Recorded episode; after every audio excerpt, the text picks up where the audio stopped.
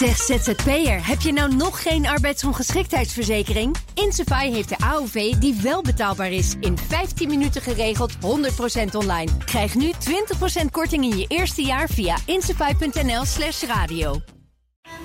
Contact with test one. Touchdown. Hello and welcome to Space Cowboys podcast number 22, if I'm correct. Hi, Thijs. I lost count. You lost count. I lost count. I think Okay. I believe one one of the previous episodes I actually miscalculated. We did. I don't know, and then I think we Perhaps. also misskipped one. so, um, to all our fans, could you please help us count how Yeah. far in we are? I'll go back to the list uh, over at uh, bnr.nl and I'll count. Yes, But not exactly. now. And again, it's not about quantity; it's, It's about about qual- quality. and uh, I would like Sure. to thereby introduce our guest. Now, would you like to uh, introduce our guest? Our of guest today? is Chris Verhoeven. Maybe we should say Chris Verhoeven. Chris Verhoeven. Yeah, Anyhow. Verhoeven. Uh, then Verhoeven, yeah. Verhoeven. I say this in abroad, and they write my name correct. Okay, great. Chris Verhoeven. Okay, You're great. uh, um, employed at the Technical University of Delft. Exactly. Yeah. Delft University of Technology, we should say, I guess. Delft University of Technology. Yeah, okay. Uh, what's your job title again? I'm not good at official I'm an stuff. associate professor, Associate professor. and I'm team leader of the Swarm Robots team of the Robotics Institute, We're talking swarm robotics today. and of space robotics in the Space Institute. Okay. Lovely. S- Swarm robotics and space robotics. So we're going to talk a lot about robots today. Exactly. We yeah, will. Yeah, yeah. Yeah, and robots in space. We're doing our stories of the week first. Yes. What's yours, Thijs? Well, I, I love the headline that CNET gave to it. Um, Hubble reveals soul-wrenching view of the distant universe. Soul-wrenching. Oh, my Yes. soul is so wrenched. Yes, my, my soul is completely wrenched because it's uh, it's a new uh, deep fields image uh, by Hubble.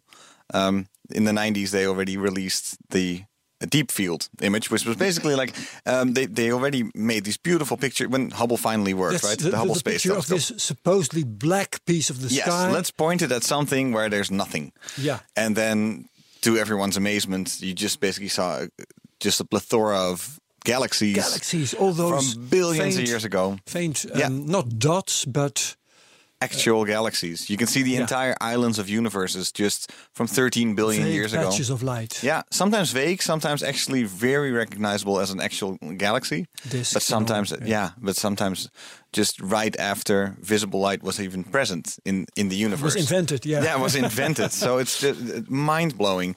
And um, after that, they re- released another one. I believe it was the Ultra Deep Field, if I'm not mistaken. And now there's a new one, and they call it, I believe, the oh yeah, the Hubble Legacy Field. Hubble Legacy Field. So basically, what it is is it's a combination of all these pictures that they took over the years, and they just assembled them into something that's how many? 265,000 galaxies reaching back about oh, across 13.3 billion years and a total of 7500 exposures. So it's it's insane. And it is sort of soul wrenching, uh, especially if you download the picture on, on high quality. Um, It'll be memory wrenching too. yeah, exactly. Memory wrench. It's so funny because I tried to open it here on like an old Chromebook and it just crashed. it was the, the picture was too big. It says sorry, I ran completely out of memory, so I had to reboot the thing.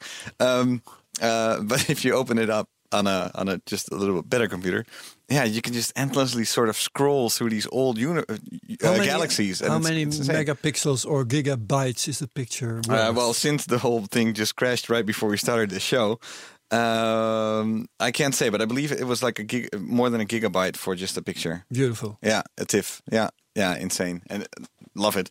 I, I mean, everybody's a fan of Hubble.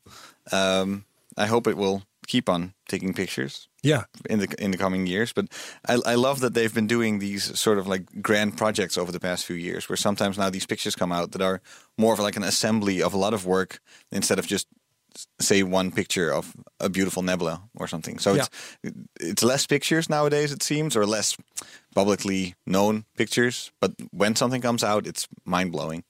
So Okay, that's great. my story of the week and the past 14 billion years. Chris, what's yours?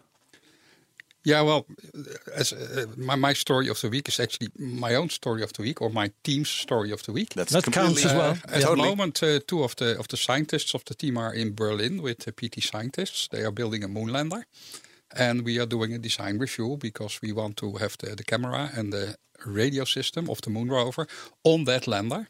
Uh, which means that uh, we as the Netherlands would have something on the moon somewhere early uh, next Wow. year. National pride involved here. Yeah, yeah, Yes. yeah. After Israel and which country did we have last week or the week before? China? That was also no, no, no. Israel. Well, Israel Yeah. for one, but Bear there was another planning to go to the moon. Was it India? Was it some Well, other we, country? we've been talking about forget. America. I'm sorry. Yes, India, That's yeah. correct, yeah. India, China, Okay. America are all planning to go to the moon. Okay, Yeah. all right. Yeah. But the Netherlands is lining up as well. Yeah, we are we are lining up as well. So it, it is a small thing, and we are good at small things. so uh, We're a small country. we make small things. yeah, we always did it with small things. eh? We uh, we beat the Spanish with small ships. We did. eh? So small is big. Okay, great. Small is big. And so and so. what- Actually, we, we wrote an, uh, an, uh, an, uh, an, a document uh, that was called uh, "Be Big by Staying Small." So that's okay, uh, That's good. that sounds very Dutch to me. Yeah. Yeah, yeah. we talk Think small, do big. I Ne- guess. next week, when when I, I won't be there, I'll be on holiday. Mm-hmm. Next week, you're, we're talking small sats. Yeah. So that as we, well. keep, we keep in the same theme. Uh, and the small thing is right here on the desk. You brought it. yes, it it is uh, yeah maybe a small shoebox, uh, and it has uh, six legs. and this is not a model. This is not a model. This is uh, this is uh, uh, actually uh, an, an, a moon rover that is built. It's not completely finished yet, but what's in there would be fit for the moon. This It- is it's basically an, historic. an- almost like an iPad on uh, with, with some wheels on the side. Yeah, it's a could- historic moment. We have a freaking spacecraft in the studio. Yes. Okay. One that might might make it to the moon. Nonetheless, Sorry, Chris. Tell us it's about great. It. Thank yeah, you. yeah. So it, it is a family member of uh, of the Zebro robots we have, uh, and that's uh, say uh, a Dutch acronym for uh, six-legged robot, uh, zesbenige robot. Uh, and uh, the the biggest feature of robots like this is that they are, you could say, unstoppable. So you put them in uh, in I love that. Uh, and maybe they're not as efficient in uh, in, in speed or in power consumption. Uh, but since, uh, especially on the moon, but also other harsh environments, you're on your own. Uh, there's no operator to help you. Uh, you need a robot that's able to climb out itself. From, I'm uh, sure it's to do with these half wheels. It, it's Yeah. got funny uh, wheelie yeah, legs. Yeah, we call them uh, call them legs. Uh, C-shaped Yeah. uh, legs. C-shaped legs. Yeah, they. I mean, I, I don't know what to compare them to, but they they almost look like hooks. Like like they're, they're half wheels. Yeah, they're, they- they're half wheels, and then and then they with some stuff on it to get grip. Can you set it in wheel. motion, or is that asking too much? Uh, well, then uh, then we would need to spend some time. We have have to Oh, start it up, no, get contact no, with it, and that. so on. That's too bad. Can I touch it? Yes, you can touch it. And uh, I can can show you uh, the, the iPad-like thing you see is actually the solar panel that it can uh, can put upright. Ah, and now you you can t- put it upright, and there's a little box on the net, like a and like a big and- hard and then drive you can clearly see two cameras in front. Yeah. Oh, Not yet. yes, sir. Yeah. Oh, over there. Yeah, it has so two it little eye- two. has little So Wally-like uh, eyes. stereo vision. Oh, I have to take a picture of this. So it is uh, it is able to uh, to have 3D vision, see uh, see what is ahead. So Sure. autonomously, it can avoid uh, things that it cannot climb over. So uh, basically, uh, from from Earth, it would get the command uh, go there or travel a certain distance, and then you just get the message okay, and uh, then after some time uh, you get the message I did it. So uh, it is not a robot like you normally see in space that for every detail, every step, everybody is looking at where are the rocks, what are we doing, how many centimeters are we Yeah, going here and like there. Opportunity Rover and uh, Yes. stuff that gets steered Every from millimeter. Earth. Yeah, actually, it's very frustrating for me that you can have rovers so long on Mars, and, and then if you look at the distance they travel, it's hardly nothing. nothing. Uh, and uh, with robots like this, it's only one and a half kilo. Uh, we want uh, more of them hanging around, so a swarm. Mm-hmm. So they spread around. So How many would you send up? Uh, yeah, well, then this- the discussion is what is a swarm. Uh, but for some experiments we want to do, uh, five would do. Okay. Uh, we want to do radio astronomy with them. Uh, five would give a picture when they are at the far side of the moon and create a LOFAR-like uh, radio telescope. We Oh. call it LUFAR. Yeah. But if you have 50, you have a better picture. And if you talk to radio astronomers to say, well, we would like to have a thousand. Yeah, if you have 5,000, it becomes a real swarm. So you intend to build a telescope out of robots? Yes. Is that right? Wow. Yes. Okay, this is all going. I, I believe we're still in our story of the week. Yeah, segment. we're- we're what was getting the ahead of what, ourselves. what, what, what was happening in Berlin with your colleagues? Yeah. What's the story of the? what, what's, what's the news actually? Well, we are this going to we, we are going to, to send this rover to the moon. We want to do that. when? Yeah. Uh, we hope somewhere between 2021 and 2023.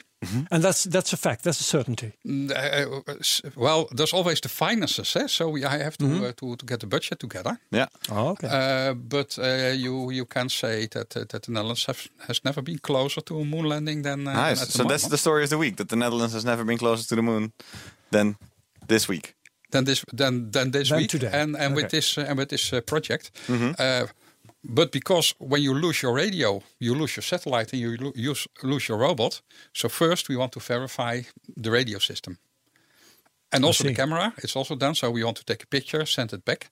And actually we want to send it back to the radio telescope in Dwingeloo, the old dish. Yeah. Because that will be the ground station of the system. You're kidding. Yes. We, so we will have our own sparks Yeah. in Dwingeloo. Uh, and that It's a will have- famous old Dutch telescope. That's why I'm saying you're kidding. It's it's it's I guess the the most well known. Decades yeah. old. Decades old. Yeah. Yeah, yeah, it's uh, it's it's old, but it is uh, alive and uh, kicking. It's doing a Sure. lot of a lot of Sure interesting it is. things. Yeah. Yeah. yeah, yeah. Uh, Because they would send it. These, these robots would send a signal straight to Dwingeloo. Yeah, yeah. Just So- at the right moment, whenever you can yeah, see yeah. it. So we are not making use of the lander. So the, you could say the lander throws us on the on the moon surface, Mm-hmm. and then we are on our own. Yeah. Uh, does it come down a little Fascinating. Parachute, or there's no there's no this? atmosphere? So Who's paying for this? Uh, at at the moment, uh, it is uh, the universities. All right. Uh, and uh, there is uh, some uh, some uh, money from uh, from uh, from projects from NWO companies are helping. Okay. Uh, a lot of the help of companies is in kind. Hey, we have to, we have to remember that they are small companies. So usually when you have uh, projects, then companies have to pay cash in the project to show their interest. Uh, but of course, small com- companies don't have that cash. So that is a bit of a problem in, in the space world. There are a lot of small companies, and you want to do a big uh, a big project, uh, and you write a proposal, say for five million euros, and then you have to get f- uh, five hundred thousand euros in cash from the companies. And frequently, we have had to withdraw a proposal because the companies couldn't bring the cash together. All right. But in that project, they give a lot of help. huh? You can say projects like this are obsession driven. Yeah. Uh, you, you want to go to the moon. Passion-driven. Uh, so so there, there, there are people of different companies that that spend nights, weekends, and so on to uh, to get this done, get this working, uh, just to get uh, to get the thing on the moon. Okay, we'll interrupt this story uh, just for a short while to finish our stories of the week because I have a couple. Oh yeah. Oh, you. Go. I remember. You also have a story of the week. Uh, yeah, two, two in fact. Um, there's one about. Uh, I'll, I'll give you the headline uh, that I have to scroll back to. Oops. Let me see. Okay, uh, on the Verge. Um, don't pa- uh, don't panic. NASA is just simulating a potentially catastrophic asteroid impact this week. Oh. Turns out NASA and ESA together. Um, this week was actually last week. Was shortly after we recorded our last podcast, um, and they uh, actually simulated uh, an asteroid impact. Uh, with a rather complicated scenario, some asteroid shows up and turns out to be on a collision course with Earth. I saw And some headlines. I thought there was actually something going on. you I didn't really read it. Yeah, I was like, oh, the, I believe something with an asteroid close. Oh, like, yeah. oh, it's usually another a- of those asteroids. yeah, yeah. Never usually mind. it's uh, yeah, They'll false it alarm. out. Yeah, exactly. All right. Um, but uh, the, the scenario was uh, um, asteroid shows up. Uh, everybody starts uh, frantically thinking, uh, what can we do? Um, they send out some um, uh, nuclear device, blows up. Uh, asteroid gets sort of deflected, but one big chunk isn't. And it lands somewhere uh, on or close to Manhattan. And oh, like that movie Deep Impact. yeah. Yeah, it's very Um, similar. Okay, uh, so um, we'll put this in the show notes, and everybody can read up Oh, yeah. for themselves because it's a rather complicated story. Yeah. But the, well, the, the idea is was there a happy end? Because Deep No, not Impact at had- all, no. Oh, Deep Impact, I believe it's uh, it's uh, Elijah Wood or something uh, that that then flees into the hills, and because I think they first nuked Yeah. uh, they first nuked the asteroid, and a small the piece still hits. Armageddon movie, Clint Eastwood. Yeah, yeah, yeah. No, yeah. Lots of stories like that. I, I took one of my first dates ever to my to, to Deep Impact. That's why I, I, I Was fond that a good choice? It was a good choice. Didn't really become anything, but you know, at least I, I dared to ask a girl out. That was Yeah, already a- okay, a, that's- big a big accomplishment. Yeah, That's a big positive. yeah. Um, but uh, this um, this asteroid impact, uh, no, it's, it's it's it's not a happy ending. Oh Of course not. I mean, I mean, if an asteroid no, hits. Earth, But do there's we no live? Like, will there be some survivors, or does Not in this scenario. eat but the other? idea, of course, is from the space agencies um, to persuade governments to Yeah, give yeah. more money so they can uh, be bet- become better at deflecting Yeah. this kind of stuff and discovering them in time, of course. So in this case, a happy end would be more money for asteroid defense. That's right. Yeah. And that's where I get a little uh, um, um, skeptic. Skeptic. That's Yeah. the right word. Thank you very much. because um, if they're looking for more money, um, is the problem that they're sketching very real? It could be. Yeah, you not- wonder if they I'm have bad really sure. science. Well, um, this kind of thing became in fashion, came into fashion um, when the Star Wars project of Ronald Reagan uh, ended up uh, leading to nothing. You mean after after the Cold War? Yeah, there Yeah, was okay. this So- the Star Wars project. Uh, Ronald Reagan um, Early uh, '80s. Yeah, had the illusion that we could shoot down uh, nuclear devices using laser beams. Yeah. that was all bullshit. but it employed a lot of scientists for a lot of time. and um, when they decided it was all a bad idea, uh, suddenly uh, astronomers uh, and and space uh, space buffs came up with the idea. Well, we might have to deflect some asteroids. and that's when all these movies came out. That's Yeah. in the '90s. Yeah. Yeah. And skeptics then um, thought, well, maybe the idea was just to keep the budgets and invent a story that uh, will keep the money flowing. So uh, later on, I got the impression that maybe there was something to the story, but I'm still not completely sure because I keep remembering that the uh, idea in the first place was to keep the Star Wars money flowing. Yeah. Okay, so yeah, I believe Neil deGrasse Tyson also um, is is constantly hammering on it because he knows that it that when it comes to defense, yeah. then it seems like you have a point, and then it Well, the problem with this kind of uh, this kind of event is the chances of it happening are uh, very very small, Mm-hmm. and the consequences are very very big. Yeah, yeah. So how do you? And they're both very uncertain. Chris, so do you have do any you robots that that can counter an asteroid? No, but uh, I can imagine uh, in a world with electric life that will survive it. Maybe because it isn't at the Earth anyway. Digital life. Digital life. Yeah, I call it electric life. Yeah, you. Uh, I believe Electric- you- okay. Electroloid, electro, Electroids. Yeah. electroids. That's how yeah, you call yeah, them. Electric animals. Yeah. electric. And can you just briefly t- tell me what electric animals are? Well, yeah, uh, they, they are a result of evolution. So if you uh, look uh, for evolution from species, uh, you get more species, you get specialization, and so on. Natural and, and now we, uh, we we get what I call evolution 4.0, uh, which is because of us, uh, evolution has started thinking, and because of the thinking, a new species just uh, is born, and that is the electric animals. So what you're looking here at the table, the little robot, is an uh, yeah, you could say a little electric insect. That's how it starts, and gradually it will evolve to uh, to more things. And sometimes I I think that you can look in time, say back. Uh, 65 million years, and then you see the dinosaurs. Well, we can uh, look uh, 65 million years the other direction, and then probably there's electric life there that is looking back at this place, and then says, biological yeah, life. Yeah. yeah, yeah. They say, well, yeah, in those days there was some carbon-based life, and uh, they did something, and uh, here we are. And they Yeah. have already become extinct. And then in the museum, they have some fossils, and they, there you see a person uh, with, a, with a smartphone uh, fossilized in stone. And then they point to the smartphone and said, That's us. Oh, yeah. And, and, we, and we needed a host to, uh, to survive those days, and we don't need them anymore. so that's, uh, Oh wow! And these electric animals, they eat electricity.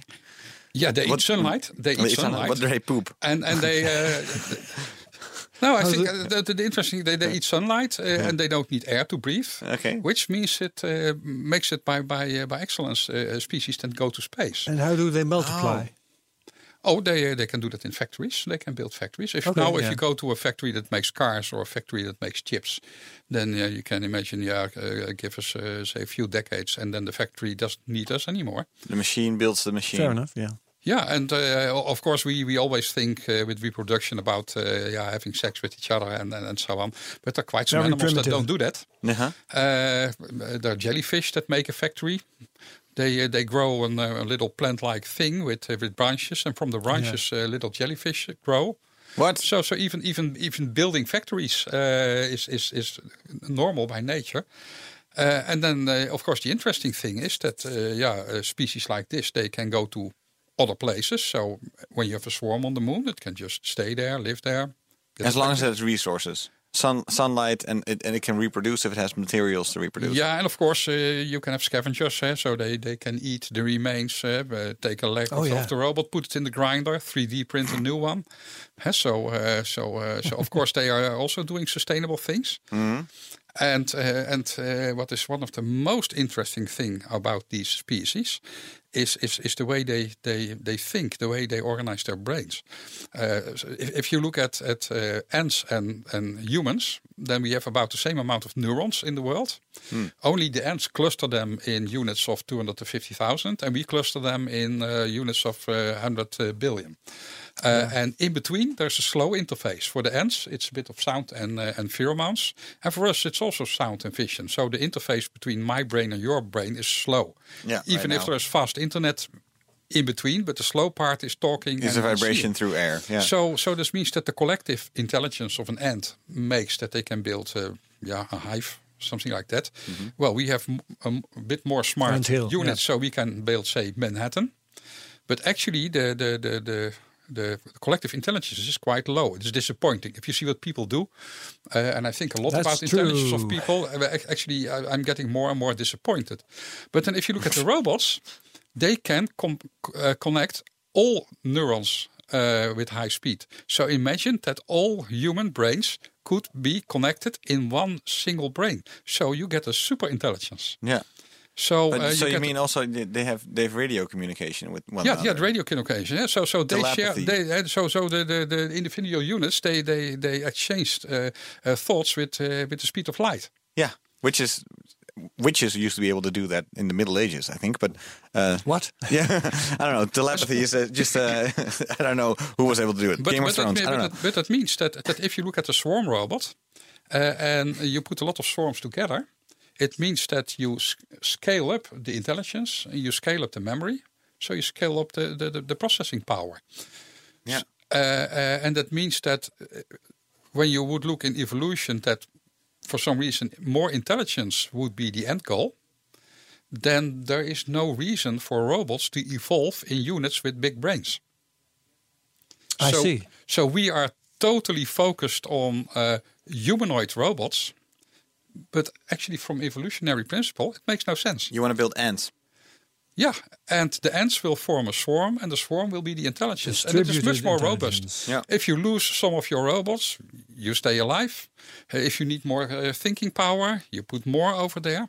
So the, the, the survivability of, of, a, of a swarm with this fast coupling of, of, uh, of, of processing, uh, yeah, is, is uh, I think it's the brilliant next step in evolution. It's a bit fascist, but yeah, but it is, uh, but you, but you see it you see it already happening now in the world of computing. So the only thing is, uh, the computers connect. We create things already that are bigger than we can imagine. Uh, we see all kinds of uh, interesting or funny or spurious correlations in the huge amounts of data that, that we have. The only thing is now it doesn't have legs and, uh, and and hands yet. That system, but that will be happening. Uh, and we see already uh, this this uh, indicated by things like uh, Internet of Things. Mm-hmm. Where people say, "Ah, but but I always had a problem with Internet of Things because I don't know what a thing is. So I built uh, I, I, I, I built machines and Anything that can have internet. Yeah, and then people say, "Yeah, build me a thing." Then uh, maybe you know the the, the movie of uh, of uh, uh, Ace Ventura, the pet detective, Huh, Jim where at some point uh, he he wants to uh, to impress people, and then he says, uh, "When you don't listen to me, I will turn into a hideous, vicious, dangerous." Thing because you cannot come to the word, and, and I always think about that. But of course, if you if you if you follow the reasoning I, I, I just did, then you can imagine that we are not talking about Internet of Things, but about Internet of Robots Yeah, Sure. of so we should stop talking about Internet of Things because that that's a dead end. We have to think about Internet of Robots. The robots can be tiny, can be like uh, little insects, can be drones, can be little beetle-like robots. We have them the size of a matchbox. Yeah. They can crawl around. They could go to the places where you want to sense. If you say, "Well, I have a thousand sensors in this building," who is going to put the sensors there? Who is going to clean them? Who is going to clean them up when you don't need them anymore? What you want is you empty a box of sensors at the uh, in the entrance, and you wait for two days, and then they're everywhere. and, uh, So and finally, we're talking uh, swarm robotics. No, I'm, I'm, I'm, I'm- yeah, Chris. I, I, I wanted to stop you also. Herbert, I was just eyeing you. Do you still have another story of the week?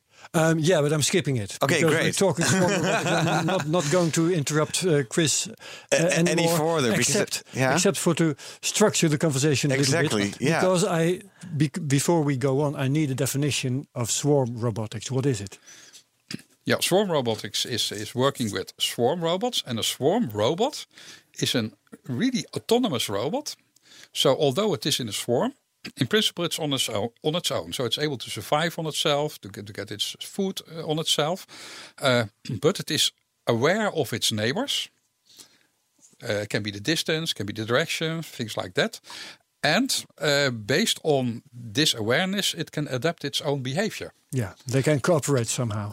Uh, yeah, so so there's no uh, coordination to the group of robots that you have, uh, but the robots might have a similar purpose. Uh, and, And, and we feed them that purpose, right? If you have a swarm, then we can still, or something, so- so- yeah, something gives them a purpose. Yeah, I hope. Yeah, yeah. I hope. I hope it's us. I hope we can. Yeah. Yes. Yeah, and the pur- and the purpose uh, the purpose could be, uh, for example, uh, f- uh, find uh, fire. Well, and then you and then you and then you put uh, the robots Find water, okay? yeah, fine. or water, what, uh, whatever you want, and and Got a then fire to extinguish over there. and then you empty the box with robots that that want to find water. So they spread around in the building because they don't like to be too close to each other, but they also don't want to be too far away. So it's like like foam that you push in an in an, in, in an uh, object with with funny dimensions, then it will spread everywhere. So they it's like some kind of a pressure in the swarm that pushes them in all places. So even a Yeah. room that you forgot, uh, robots will go there just because they are pushed in there by the other robots. And then they are hanging around there, minding their own business. And suddenly one finds water. So he puts up a semaphore, I found water. Then the neighbors of the robot see a robot that sees water. So they also put up the mm-hmm. semaphore, but they gave them give themselves a higher rank number. So the, the robot that finds it says I'm zero. So the other says we are one. And then next to it are robots that see the number ones and say, Hey, I'm becoming number two. Yeah. And this ripples through the building. And then at the entrance, a robot says, We found water and I'm number 30. Yeah. And then the only thing you have to do is walk from 30 to 29. So, so they create a trace like uh, uh, Like ants. trace- Like uh, ants. It's, it's Yeah. a pheromone analog. yeah, Yeah. so What you're uh, describing yeah, now. yeah. and, and we say, uh, we say so, so they call uh, they create a potential field we call it, and Yeah. along the, The potential gradient. field, you find the shortest way to where you want to be. Uh, and the little matchbox size robots we have, we even have given them uh, light emitting diodes on the back, so they can create a running light. So this means that uh, they can create a running light just so f- follow the light. But it could also be that you, you have a festival in a park, so you deploy the swarm, uh, and uh, they are hanging around there, and suddenly there's panic or something like that, and the people have to go to the exit. Well, then they can form a potential field to the exit, Yeah. so you will get light traces to the exit, Yeah. and people also turn into insects when they when they panic. So they just follow the traces, and you can do crowd control. And the interesting thing is that the robot itself knows nothing more than. I became a three because I saw a two. Yeah. So you can Yeah. scale it beyond uh, beyond limits. Yeah. That's beautiful. Um, it's beautiful. This is really beautiful. It's it's it's a, it's an amazing thought. It, it it's just that uh, uh, this looks quite far into the future. I, I, I Well, can actually, there's a spin-off company that is already busy uh, trying Okay. to put this to the market. Because what could you do with this? I've form seen drones. Like I've seen drones as, as an art piece. Are there any real? Yeah, well, th- you have to be careful with that because because because, uh, when, you, when you see this fireworks in the air, Yeah. you see a lot of drones, but that is not a swarm. Mm-hmm. A swarm cannot do that. A swarm cannot create the Olympic rings. Oh. Maybe they could fly in one ring if you give them the the, the, the right uh, the right things. Yeah. But you would more see something like the sparrows in Rome. So Yeah. Yeah. those clouds. And so that's that's what I would do. What Okay. what Thijs is describing um, is something in which every drone is steered from outside. Yeah, and where every drone drone has a place where it is supposed to be. Yeah. And one of the essential things of a swarm is the swarm is somewhere, but you don't care where the individual robots are. Yeah, and they have almost an in- individual intelligence on knowing where to go. Yeah, But it's, because- it's very small, and it's just uh, the the real intelligence emerges from the swarm itself. Yeah, yeah. So, so the, the property that in an in a complex building uh, like uh, like this building, they can find in an in a hidden room, they can find water and lead you to it. it. Is very intelligent behavior. Yeah. Uh, but they don't need a navigation system for it, and they don't, don't need the intelligence for it. So, are there any real life examples now of swarm, swarm robot, or, or is it just a scientific uh, um, uh, prototype thing? Yeah, well, you can say we, we are that far that at the moment we have robots that can be swarm robots. And with that, uh, I mean they can uh, live longer reliably, so they don't crash, they don't catch fire, and so on. They are safe for children, things like things like that. And we want to have one of those swarms alive in the garden of the science center of the of the TU Delft, uh, which will be like a little uh, children's farm, and you can just go in there, and then those robots are Wow. hanging around there, and you can uh, you can play with them. Uh, we plan to give them a you. camera so so they can recognize this thing. So you can You can feed them sunlight. yeah yeah they, they live they live with the sunlight uh, yeah and and and and they they are there. But How, how do you do maintenance for a for a swarm? Like one if one fails, you just add a new a new one and done. well actually uh, the idea is that we do not do maintenance. Okay. So the robot uh, stays healthy for its economic life. Uh, and then it dies. And then, like an ant, there's no ant hospital. There are no ant nurses. Uh, when when there's something wrong with you as an ant, you die. Yeah, an ant That's- is um, uh, disposable. Yeah. and that's the same for the swarm robot. ant. So this means, for Yeah. example, uh, you have those matchbox likes uh, matchbox uh, like robots uh, in this building, and then one dies. Well, then the cleaner comes, just swipes it up and puts it in the garbage. All the robots do that themselves. Or, and actually, Perhaps. this was a suggestion by children. I, I talked to school children about Mm-hmm. this, uh, and they said, "So if these are these are animals and you have an electric ecosystem, there also must be scavengers and predators." And thought, yeah, actually, Yeah, there will be. if there's a limping uh, zebra, kid. yeah, let it be let it be eaten. Yeah. And of course, we already had examples where where one of our flying drones was attacked by a crow. So Oh. also animals see them as other animals that you can hunt. Yeah, hunt. They, they won't be able to eat them, but you know. Yeah, they'll discover that. Well, and you already said that this that, that space is like the best application for this for swarm robotics. Yes, because if you Why? if you uh, if you look at uh, at uh, uh, say uh, the adaptation of animals to their uh, they call it umwelt, so the the, the environment. Environment, yeah. And then, then you see that uh, that the, the electric animals they are perfectly fit uh, for a vacuum atmosphere. Uh, when you have light, you don't need air and so on. Uh, so so so actually, you could say the moon would be in the end a better place to be for the robots than Earth. Mars would be a better place because there are no plants where you can get stuck and so they, so they could live there. So so if you say And free roaming in space itself for exploration. Well, you could say we are thinking about having a nanosatellite swarm uh, hanging around the moon to uh, to do uh, actually also form a radio telescope, OLFAR. Uh, so so you could also there the swarm idea is there, and that and that has the, the similar drive as this. It's very small, not so much resources, Yeah. so you cannot make it a very And I, I, I can imagine um, many advantages, like it being sturdy. Uh, you have a less chance of the the, the, It's the redundant. parts can fail, but the whole can't fail. Is that The, right? the swarm is uh, is is uh, is very robust. It's redundant. It is self-repairing. yeah. Uh, so if you miss a sensor node, then another But sensor. are there any in. disadvantages compared to one big satellite telescope, for instance? Well, it depends on what you want to see. Sometimes there's an Mm-hmm. instrument. If you want to detect X-rays, it's a big thing. So it would fit in a small satellite. Okay. Uh, so Okay. sometimes you you need something uh, something big. Uh, but if you want, uh, for example, catch a field, and then maybe you want something bigger. Uh, you were talking in the beginning with your story about looking deep space Yeah. when the stars were ignited. But of course, between the Big Bang and the ignition of the stars, also things happened. Uh, and we can't see them at the moment. Uh, but there are signals coming from there. Yeah. Intensely redshifted uh, hydrogen lines, we expect. And there is Okay. one satellite, Radio Explo- Astronomy Explorer 2 of NASA in the 70s, that has seen some of those signals. Really? Um, uh, could have been signals from an exoplanet, could be the structure of the early universe. Uh, and we want a radio telescope that could actually observe these signals, but these are very low frequencies. So at the, at the surface of the Earth, you cannot receive them. The, the atmosphere is opaque. Okay. And the Earth itself generates too much disturbance. This experiment of the United States showed that only at the far side of the moon you could receive those signals. So the far side of the moon is very interesting for radio astronomy to really look deep space beyond the ignition of the stars. So see the early universe. Then you need another big thing. Then you need a big telescope, uh, say a telescope like LOFAR. Well, that covers uh, half Western Europe. That we Uh, talked about uh, two weeks ago, I think, because I happened to Yeah. visit it. Yeah, in uh, the so so. LOFAR on the moon would be uh, would be heaven. Ve- yeah, But it but very low frequency radio telescope. Yeah, but it is Yeah. of course uh, it, it always looked like science fiction to have LOFAR at the far side of the moon. That that was called LUFAR. Uh, it was one of the. It, it, it is one of the uh, one of the uh, how would you call holy grails of uh, people like Heino Falke that say uh, have a radio telescope. The black hole picture guy. Yeah, exactly, exactly. And uh, and uh, one of the things you can do is have satellites in moon orbit.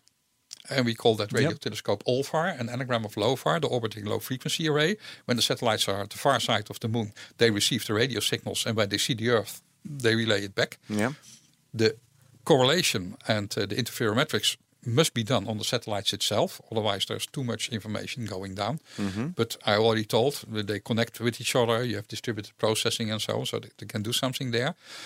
But there is differential differential speed between the satellites, so maybe they will not be able to in- integrate long enough to see the signals. But if you put a LOFAR antenna on the back of these little robots, and you tell them walk to the far side of the moon, which means you don't see the Earth. But that's easy. Yeah. Uh, and the other one is uh, spread like you would always spread as a swarm. So if you uh, have enough of them, then they spread over an area of maybe 100 kilometers. But how, do- how did they do uh, propulsion? Well, Just walking. hook-like Oh, just legs. walking. Okay, Yeah, so this just is all walking. wheels. So it Yeah, takes okay. it takes some time. Eh? So Yeah. so you deploy them, and maybe you have to wait a year before the, the radio telescope really becomes uh, operational. And maybe uh, 10 or It's so really- yeah. will uh, disappear on the way. Some some will How many would you need for this 91. telescope, you think? Well, you- with with five or six, you could make a picture that could give you the idea that you should make a better picture. Yeah. so with, like, uh, with with with 50 concept. with 50 you you you, you really get something Yeah. clear yeah and and the astronomers i'm not an astronomer so i don't know that the, i hear them talk about a thousand or something like Yeah. that Yeah, okay, So yeah. then, then cost becomes interesting Mm-hmm. because, um, well, one big satellite costs a lot of money. Um, tens or hundreds of small uh, robots maybe also cost a lot of money, but I can't do the math. Can you? Well it's all about mass so this robot is all, yeah. this robot is only one and a half kilo Mm, yep.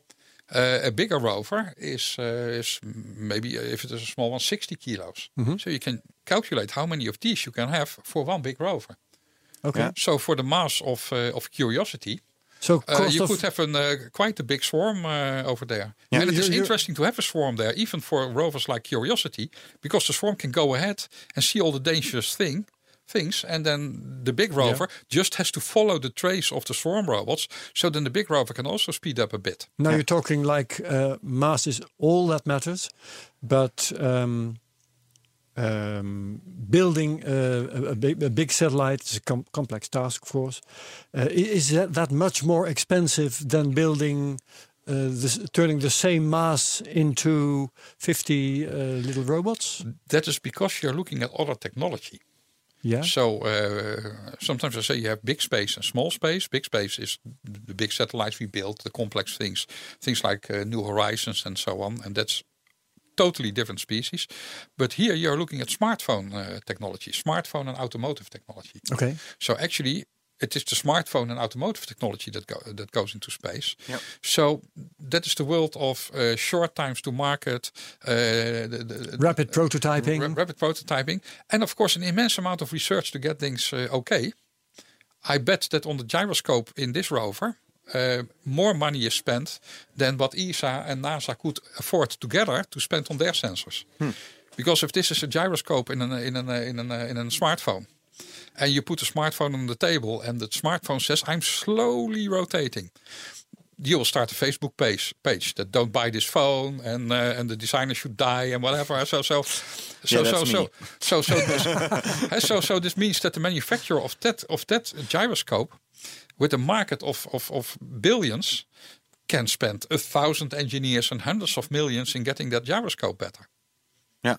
So And it's easier to fail. I would. I, I mean, so it, not, not so much that it's uh, that it will fail quicker, but it's like if something like this fails, it's not that big of a deal. If you- whereas whereas a billions costing rover fails, then all hope And is so the lost. only thing you have to take care of is that there is not a common cause. That you put a thousand robots uh, at the moon, and then they all fail because their battery cannot deal Can't with have uh, with no. uh, vacuum. Yeah. Uh, so so that's also the the the, the risk of swarms. Uh, that, that uh, for example, you have uh, 999 swarm uh, robots in the swarm, and it works fine, and the emergent behavior is fine. And then robot number thousand comes, and then suddenly it locks up. Yeah, yeah. so so yeah, Yeah. these are the the But if I understand Okay. you correctly, then it's it's basically the micro um, technology, just smartphones and just everything becoming smaller that makes it possible for these farms to actually exist in the first place. Yeah, yeah. So there is an enormous amount of, of experience in building things like this, which is not space experience. So there are many companies in the world that have become space companies without knowing it, because the Okay. technology can go to space. Ah, yeah. So that's one thing, and and and also Any any do you what what sort? Yeah, any examples? What sort of companies are we talking yeah, the about? smartphone manufacturers, for example. Yeah, yeah. Uh, of- chips, of, of yeah. course, the, The display has a problem with, uh, with with with the vacuum, but for the rest, the smartphones have been sent into space and uh, and, and work. That's true. Yeah. Mm-hmm. And uh, and uh, and our satellite, uh, nano satellite Delfi C3, uh, you can just order it from uh, from Farnell. And it is in space now for 11 years. Uh, April 28th, it was the 11th birthday. And every day I get three emails of the satellite that it is still alive. So to to go back to my question, um, can you build like hundred um, small robots uh, for the price of one big satellite? In all probability, you can. Yeah, well, my, my guess would be if you look at the technology and its mass production and you are parasiting on smartphone and automotive industry, it will be less expensive. Yeah. Um, But th- which brings me to to this question of deployment. How how would you deploy these? Because it might sound easy, like oh yeah, you just put them up in the space. But if you want to put something small like this on the moon, how how would you go you about need a doing that? cargo lander. Yeah, Yeah. you need a cargo lander, and Yeah, then do an, you uh, deploy them all? Yeah, you need an, uh, an, uh, a stupid uh, box that can land, and then it opens up, and then the robots walk out. and so it will with a rocket or whatever. And then yeah, the box depending just, on what uh, the box body. just uh, dies. It would be something like the Sky Crane that uh, that put uh, Curiosity on Mars. It puts a box on Mars. It opens up. Yeah, if so but that would have to. It's, there would need to become get. We would need some sort of standard deployment technique for that. For the I- How cost to about this? If you make the them small enough, you can Yeah. just throw them. A mouse, if you throw a mouse out of a plane, it survives. If What? throw- Why? because it's small. Help if me you throw out. an element, if you Elephant. throw an elephant, it explodes on impact. Yes. The mouse doesn't. Why? And if you think a mouse does, imagine a small. I didn't animal. study. I didn't study physics. Help me out. Um, has to do with um, the surface area of the mouse uh, uh, decreasing compared to the elephant Yeah. with the second power, and the mass, which um, uh, defines the impact, uh, decreases by the third power. Will it bounce? Will the mouse bounce? Uh, I suppose it will. Wow. Yeah, And so help me out, Chris. no, you're, you're right. I am. It, it is. uh, so, uh, so you can throw you can you, so you can shoot them up and b- basically let them You could. Uh, There's no uh, atmosphere on the moon, so you can't oh, like, glide. There's no. So normally, when you ask me a question like this, uh, I uh, try to find a team of students and then they spend a quarter and they do the calculations. Yeah, see you do the math. but I had a t- team of students Uh-huh. that looked at the way uh, Curiosity was put on Mars, and they uh, Mm-hmm. uh, changed uh, uh, Curiosity for a container that takes Zebros to Mars, and Yeah. that was a very viable scenario. Fire, okay. And if you It's, look, it, that at- was just a one-time deployment, though. Curiosity was the sky crane, right? well, there, there was a sky crane. The sky crane- crane put down Curiosity. Yeah, it went down. Then th- this crane lowered it, and then the, the crane itself flew off And died. Yeah. and died. Yeah. I think it was a one one time thing. So you would need some sort of standardization, I would guess, for swar- swarm. So if anybody listening wants wants a field deployment of swarms. Invent itself, something. i- itself can be a But, little but for example, uh, there was, and I forgot when it was, not so Yeah. long ago, uh, more than 100 nanosatellites were deployed in one launch from That's a true. Yeah, I heard yeah, that yeah. as well. SpaceX did that, I believe. No, uh, ISRO, Indian Space Research Organization. did Okay. that. And and the, and the, the, the, the launch broker was uh, ISA Space. So it was actually Okay. it was actually a yeah. Dutch achievement. Yeah. Oh yeah. ISIS Space in uh, Space Cowboys podcast next week. Yeah. Next week, definitely. So we'll ask them. Let Yeah. me write that down. Yeah, we know each other very well because uh, many of them are my former students. Oh yeah. So, Great. Good. Good for you. but from that yeah. you, you see that the, the same deployer would also work in moon orbit. yeah. So if we would stuff the deployer with OLFAR satellites for the radio telescope and bring the de- deployer moon orbit, you deploy OLFAR. So a radio telescope in moon orbit is not science fiction. Yeah. No, can be done. Hey, um, to what extent is like the GPS network, navigation network, a swarm? No, that's not a swarm. It's not a swarm. No, that, that- that's uh, Because that's that's, uh, I that's a- told somebody today um, if if I if I um, uh, open up my uh, navigation app on my smartphone, I don't care how many satellites I see. I don't care where they are. I don't care which individual no, you I don't care. But for I the just need a navigation couple. so- so- solution, it's important. Your Okay. receiver knows which satellite it's listening to, uh, and it is also Okay. where the satellite is supposed to be, and from that it can calculate where you are. All right. It's more. It's more a field So of plants. different. They're not a swarm. They're more plants. They they they they're, they move, It, it's a but form- the- it's we like, uh, find them and they don't find us. It's like lighthouses uh, at, at sea. So, uh, Okay, uh, yeah. so- uh, they, they, right. they they move, but you know exactly where they uh, where they are, and they also uh, take uh, take uh, Floating lighthouses. yeah something like that, and everybody Yeah. takes care to know exactly where they are. Yeah. And so they are formations, and, uh, and and and they are also very interesting. And you can also have formations of robots and drones, but they're not swarms. Okay. Now, um, swarm anything, let alone swarm robotics, um, hasn't been viable until about now. Is that right? Yeah, you say say at the moment you see it uh, happening everywhere. Okay. Uh, and so it's uh, and picking that- up steam. But, Yeah. but what, what I want to know is why now? Well, that is uh, that that has to do with uh, processing power. Mm-hmm. So uh, so intelligence uh, th- that's one thing. Uh, it has to do with uh, with with communication. That is uh, that is at high speed possible, and it Yeah. has to do with batteries. Okay. So the first uh, drones that, uh, so, so for example, there were a lot of uh, lot of uh, uh, fuel propelled uh, RC airplanes, Mm-hmm. and at some point you saw them disappear, and everybody started flying electric. Yes, true. And that's because of the batteries. So the batteries Okay. are important.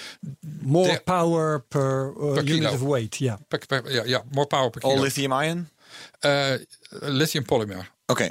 Yeah, and then uh, and then uh, the the other thing is the the, the MEMS, so the the the, the microelectronic uh, mechanical systems. hmm sure. And so so these are the gyroscopes in your phone. So uh, so normally a gyroscope was a uh, big mass rotating and very expensive and so on. And now for for eighty cents you you buy a gyroscope.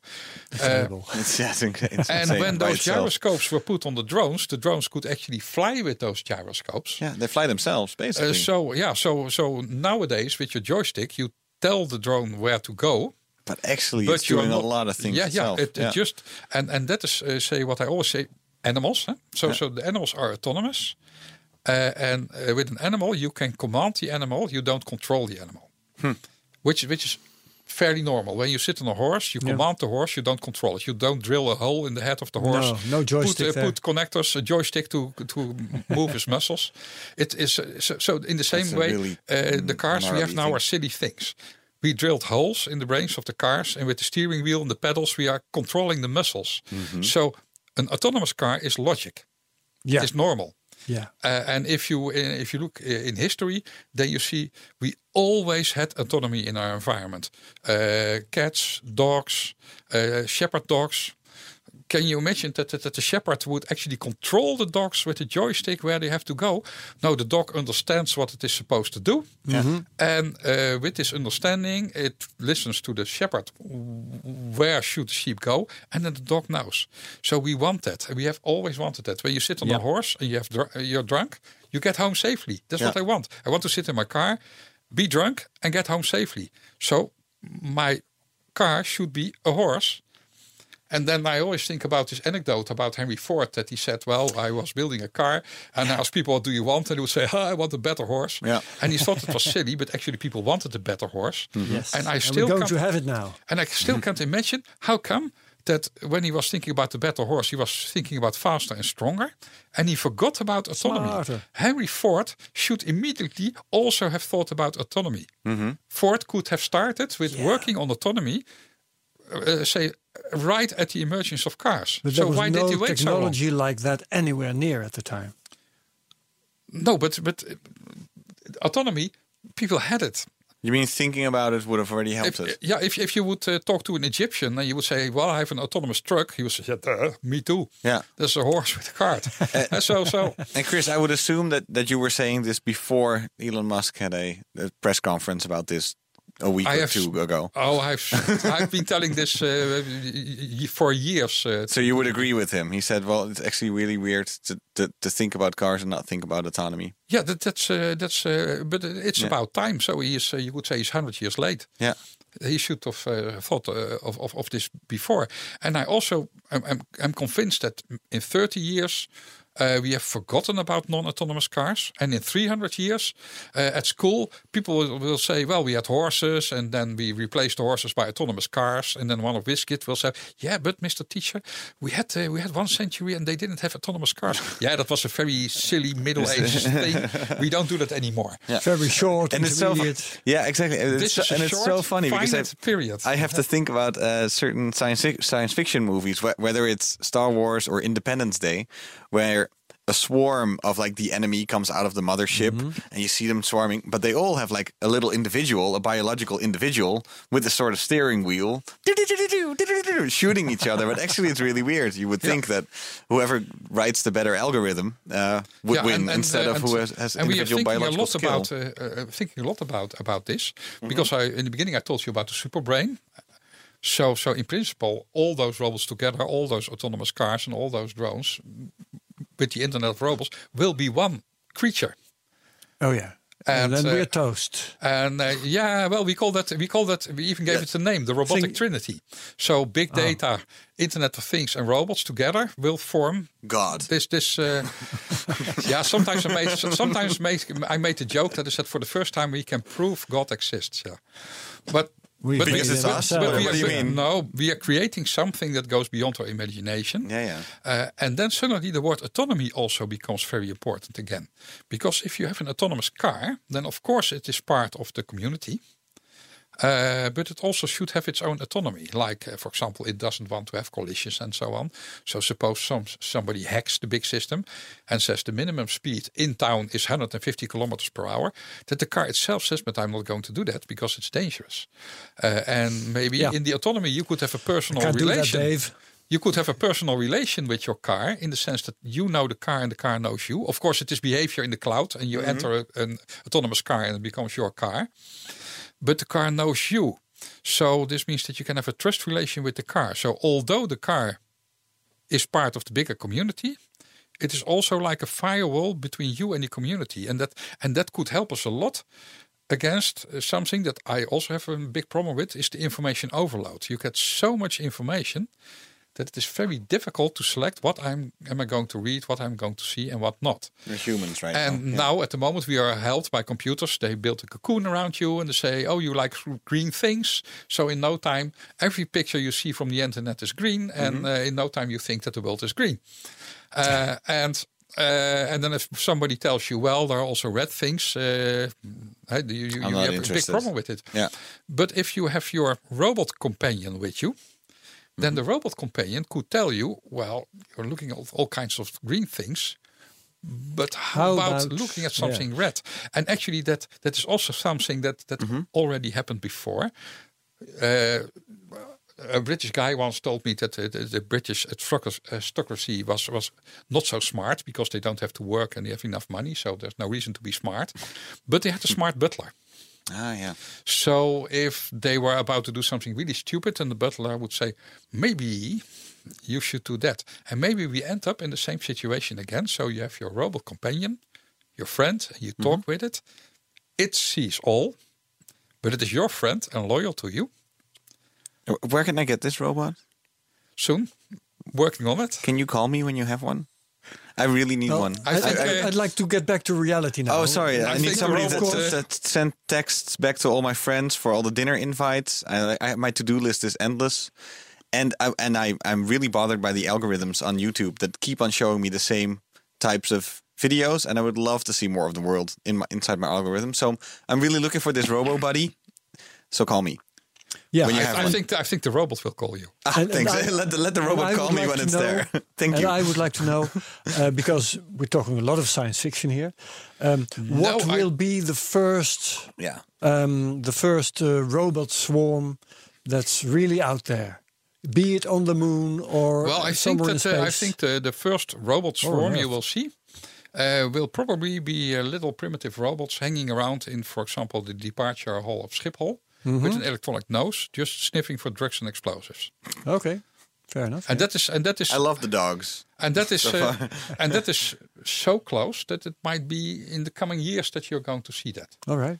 Uh, and uh, for somebody with drugs or explosives, there's no escape for the swarm because the swarm is everywhere, so they always see you. You see, this sounds And fascist. then they create an effect, an, a potential field in your direction. Yeah. So at some point you will see somebody uh, in the departure hall with LED uh, uh, lines just all pointing to him. So That's going to be a really on Amsterdam airport. I'm just saying that's going to be a really busy swarm. Not explosives, but the other thing. Yeah, but there can be many of them. yeah. you can you can put the whole hall it full will be of them. funny uh, that, Yeah. that whenever, Tice's other field of expertise. yeah, exactly. whenever you pass, uh, whenever I- you pass yeah. a, a swarm robot, it lights up red. Oh yeah, exactly. you- Yeah, just Yeah. just when uh, finally the border police wasn't so strong, strict with that anymore, then uh, then you will have the swarm. Is there anything in particular that uh, still needs to happen for swarm robotics to become mainstream? Anything in the field of technology or anything else? Well, d- d- say say there, there say little breakthroughs. More uh, money some- would some- help, of course. some, uh, yeah, uh, details like that, and money and so on. But there are no real, uh, say, technical showstoppers uh, Mm-hmm. here. Uh, but the showstoppers happen to be uh, legislation and insurance fees. Hmm. Oh, Oh hey, yeah. another interesting sideline uh, uh, near happens, the end uh, of the show. But tell us about it. Yeah, it happens more often than not that you uh, that you want to do something, and then it happens that, for example, you cannot ins- uh, insure the thing. Can you give I- me an example? I, yeah, I heard about an, uh, a, company that uh, that uh, puts concrete in those uh, big deep holes in uh, London. And then you have those concrete pumps, and those concrete pumps have piping, and the pipings have joints, and you want to know if they are leaking. Yeah. Uh, and then two people in an uh, in an uh, in an uh, in a little uh, basket with a crane, they go past the past the, the, the pump line and they look for for this. And then the, the company thought, why not do it with a drone with a high resolution camera? You just you fly past the pipes, take a picture. Bleep. So they did it, and then they thought that uh, the insurance uh, at, the, at, the, at the building site would cover this. But the insurance company said, no, this is not covered. The only thing we can find actually that would fit is uh, flying uh, low above London with an aircraft. Well, you can imagine what the insurance fee is there. So you have to stop the project. Yeah, yeah, exactly. So it's basically imagination or basics or or existing laws or rules. Well, this is a Or lack like of a- I- structure. I, guess this is a, a category problem. Um, yeah, but it is very difficult. People have to imagine. So what's the risk? Like for Yeah. Delfi C3, we pay uh, an insurance fee of 8,000 euros. For what? Hmm. What what what can it do? What can happen? So it's not the technology; it's more the context in which it's being used that Yeah. that still needs to be updated and then, as and then of course people get afraid, and then just to make sure, governments will say, "Well, let's make it illegal." yeah, Huh, so, for example, Yeah. now the, the, with with the drone legislation, they say, well, you need to basically two people, one looking at the drone, the Yeah. other doing the control. yeah, And then if you look at our reaction time and you know what the reaction time of a drone would be, imagine that uh, you are trying to chase birds on an on an uh, on an, uh, landing strip, and because of a gust of wind, your drone ends up in front of an aircraft that is taking off. yeah. Well, in the time that you see it happen, the re- response time of your brain doing something with the joystick, if you calculate the delay there, then the aircraft did three, four hundred meters. Oh yeah. So uh, it will hit the drone. But if you look at the reaction time of the drone itself, that would see it and that knows I'm not supposed to be there, then it's uh, gone in milliseconds. So so it is away before the aircraft can do anything. And then the other real rule is uh, it should not be above 50 meters. But if there's a gust of wind that goes above the 50 meters, please use it. Or I said to it- people, as in my how birds do this. Yeah. Or as in my case, two weeks ago, if there's a tree, please just know that there's a tree and don't fly the drone into a tree. took me a hundred euros to get it back out of the tree. it's a real story. Um, so so- I, so- I'm, I'm, I'm really waiting for this technology to come. uh, Chris, do do um, present day drones really have this kind of self steering capability that they can, uh, on on their own, stay out of the way of a plane? Well, we're working very hard on, on, on the exact things. But, you, but for example, a drone could know when it is not supposed to be on the landing strip because it could look in the schedule. So it just knows Yeah. that an aircraft is coming. Doesn't even have to look, So, yeah. yeah. So so uh, even before the aircraft is there, Mm-hmm. the drone knows it's going to be there. So uh, if you say to the drones autonomously chase away birds. Uh, then uh, knowing the wind direction and so on, it knows where it's not supposed to be. It it it, it could calculate what are the hazardous areas. Yeah. So uh, stay out of there when an airplane is coming. So Yeah, the system it- will be much more safe than with the person doing the joystick. I, I want to just before we before we end For go, for, go, for go lis- back. listeners, Yeah, it's Thijs is now cradling the moonlander. I'm, I'm, I'm petting it also. It's- Oh, you can uh, you can best. rotate the leg a bit, then you can see. Uh, This is the solar panel going up and down. yep. Let's have the, the legs rotate. Oh yeah. So That's how it's going to sound when it's walking on the moon. No, okay? there's no atmosphere on the Oh, moon. no, you can't won't. hear you it. won't hear anything. no, no. Sorry. still, still the, the, the body will vibrate this way. Oh, still, it's interesting to listen at contact sound. Because Yeah. it will tell you something about the bearings. I suppose, yeah. Ah, yeah. And so this would go around. And, and Herbert, I think your uh, your uh, your question about like practicality and when can we actually see this is super valid. You talked about Schiphol. Um, you talked about the, the maybe the garden at the university maybe having having something. Um, but uh, what's the time frame on all this? Because we're we're saying science fiction, but some of these Yeah. things are not No, so it's not- scientific. it's- it's not science science fiction fiction. anymore. And I'm and I'm and I'm holding one of these robots right now. So Yeah, yeah. And, Yeah. Uh, and uh, suppose I get the, the, the, the, the- the funding, okay, and probably I will. and the law and the Then, insurance. uh, then in three years' time, it's on the moon and it's performing. In three years' time, we yeah. have a Dutch presence on the moon. Yeah. That's Very the- small. Have you told Have you told the prime minister or anyone uh, up up high? He's an historian. He looks back. And with that, Well, with that, okay, but let's let's just um, stress this yeah, uh, because people in politics always uh, t- tell us that we're behind in something, and uh, and we should uh, um, make make uh, we should uh, get back with the crowd and make sure we're not behind anymore. But we can also um, be ahead. yeah, definitely, yeah. And it seems And in this that- case, we have a chance to get ahead of the pack yeah, by And being small, We, by being small, Be big by staying and we could tell the prime minister this yeah. Because He he thinks very small usually, so he doesn't think ba- big. Our prime minister thinks thinks small. Um, okay. so so maybe he's very interested in But this. if you look at, the- Let's at make the sure amount we're, of we're ahead. If you uh, look at the ma- amount of money needed, then this is, uh, say, doable also for the Netherlands. Hey, Yeah. we we Yeah. couldn't do an Apollo project in the Netherlands, but we can do a project like this. yeah. okay. Amazing. Thank you for the for the wonderful conversation. Nice closing yeah, words. sometimes it's just mind blowing to see what's coming. And this little cutie is coming. Does it have a name? Uh, it's it's uh, probably we're busy with it. Going to name uh, uh, Belka. Belka.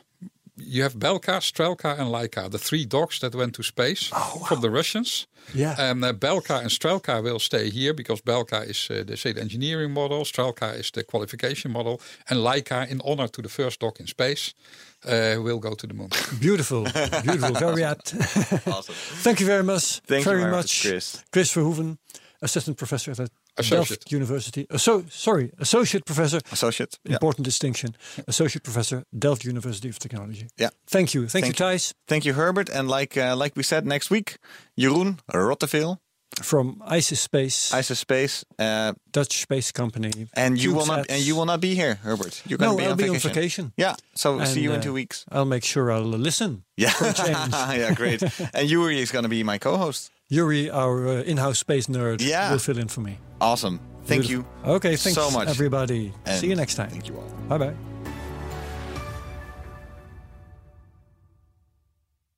Zeg ZZP'er, heb je nou nog geen arbeidsongeschiktheidsverzekering? Insafai heeft de AOV die wel betaalbaar is. In 15 minuten geregeld, 100% online. Krijg nu 20% korting in je eerste jaar via insafai.nl slash radio.